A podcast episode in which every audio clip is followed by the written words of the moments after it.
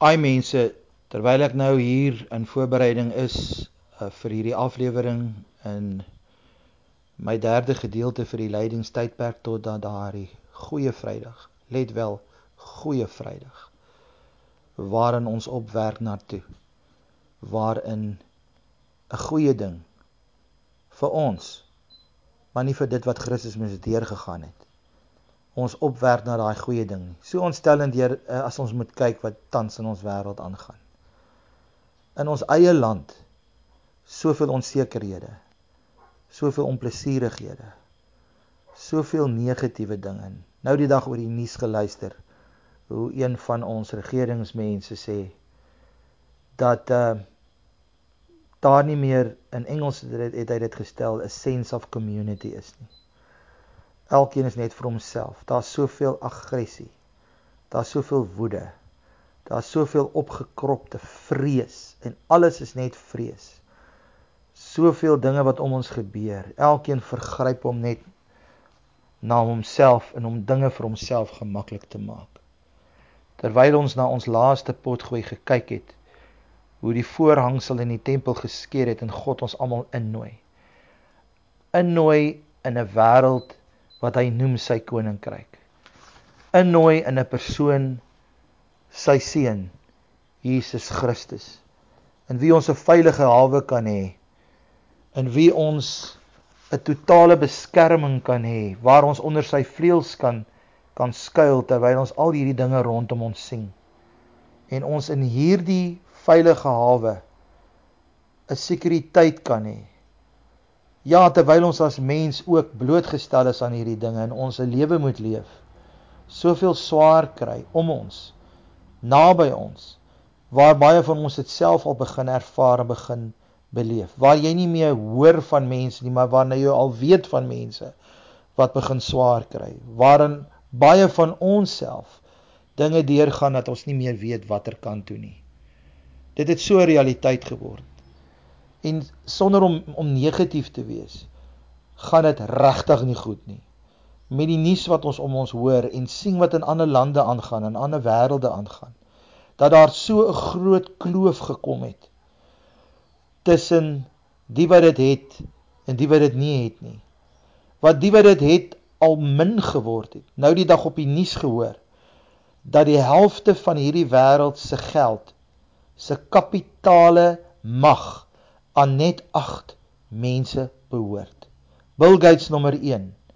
Die man wat wat Facebook verkoop het nommer 2. Nommer 3 is Spanjaard wat ons nie eens ken nie, ek ken nie sy naam nie. En om te dink dat Donald Trump nie eens op daai lys is nie. 8 mense aan wie die rykdom van hierdie wêreld behoort nie. 7% volgens statistiek van hierdie wêreld 'n kar besit.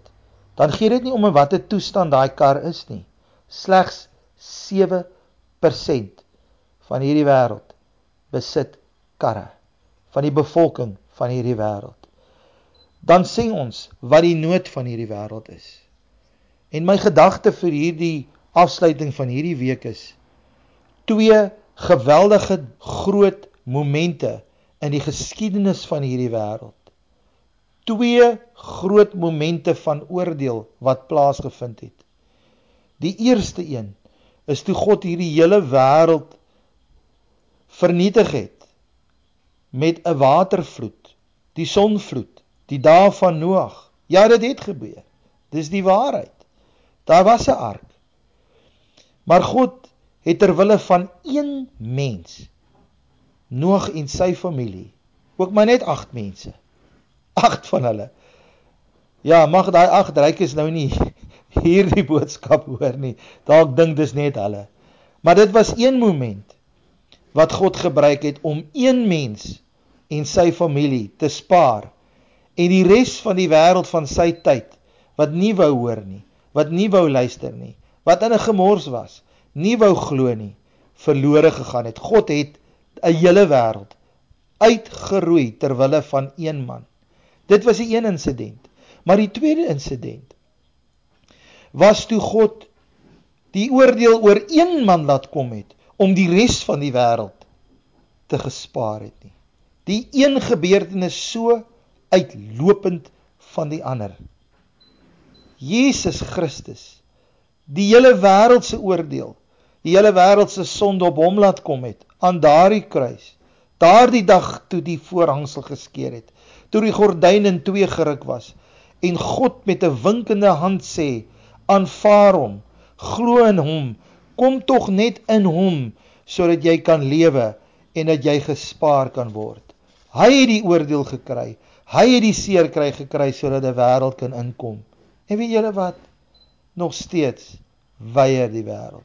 Hulle sien die oordeel van God. Hulle hoor dit. En vir baie in self in kerke wêreld het dit maar 'n ou storie geword. Ons wil nou soveel nuwe goed predik. Ons wil nou soveel nuwe openbarings leer terwyl die boodskap van die kruis vir baie maar 'n ou storie geword het. En God nog steeds vir ons sê, ek nooi jou in. Jesus Christus word as te ware die nuwe ark waarin die wêreld moet kom, maar niemand verstaan dit nie. Niemand sien dit nie. En al wat hy van ons nodig het, is net gehoorsaamheid. Ja, waar ek laas gesê dat Jesus gehoorsaamheid moes geleer het om vir ons te wys wat gehoorsaamheid is. Want jy sien, gehoorsaamheid vra iets. Gehoorsaamheid vra 'n prys. Baie maal moet jy 'n ding doen wat jy nie lus is om te doen nie. Maar dit verg gehoorsaamheid. 'n Kind moet gehoorsaam wees. Baie maal is hy te besig met sy eie ding en hy's nie lus om die hond kos te gee as pa vir hom sê gaan gee die hond kos nie. Hy's nie lus om sekere elementêre dinge te doen en te glo nie, want hy's te besig met sy eie ding. En so het hierdie wêreld te besig geraak met hulle eie goed. Elkeen met sy eie ding. Elkeen met sy eie waardes. Elkeen met sy eie ou ou wêreltjie, met sy eie gerief en nie bereid is om ook 'n ander kans te gee en gehoorsaam te word nie. Gehoorsaam te word om uiteindelik in die ark in te kom nie. Kan ons nie maar dieselfde gehoorsaamheid kry as wat Jesus gehad het nie, sodat ons ook in hom sal leef en in hom sal kom en uit 'n ander perspektief ander mense rondom sal ha ons hanteer. Ons hoor nou al grappies rondom hierdie spur voorval. Wat maar net een insident is van soveel ander insidente. There is just no more tolerance anymore. Maar wanneer ons in Christus gekom het, in sy koninkryk van vrede, blydskap, daardie koninkryk van genade en geregtigheid kan inkom nie en vanuit daardie oogpunt mekaar kan hanteer nie so uit Christus uit. Ek wil graag hierdie volgende gebed bid en vra dat u dit saam met my sal bid. Genadige barmhartige Vader. U het dit baie duidelik vir ons gemaak dat ons nie onsself kan red nie.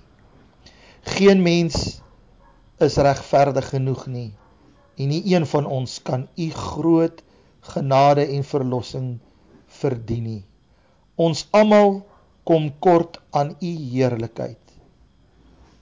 Vader nie een van ons kan perfeksie verkry of verdien nie maar ons kan dit slegs deur u seun wat perfek is bekom Dankie Here dat U in die groot genade vir ons Jesus Christus gestuur het om ons te red van groot oordeele wat U woord sê gaan kom. En die mens is nie U wat dit gaan bring nie, dis die mens wat dit oor homself gaan bring omdat hy nie bereid is om in U ark Jesus Christus in te kom nie. Here ons wil glo in U seun Jesus Christus. Ons glo vandag dat hy ons veilige hawe is. Hy is die vlerke waaraan ons wil skuil.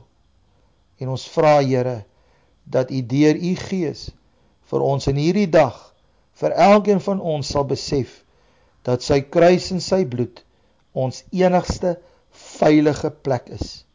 Ons aanvaar dit en ons skryp daarin want hy wat in die skuilplek van die Allerhoogste sit sal vernag in die skaduwee van die Almagtige. Amen.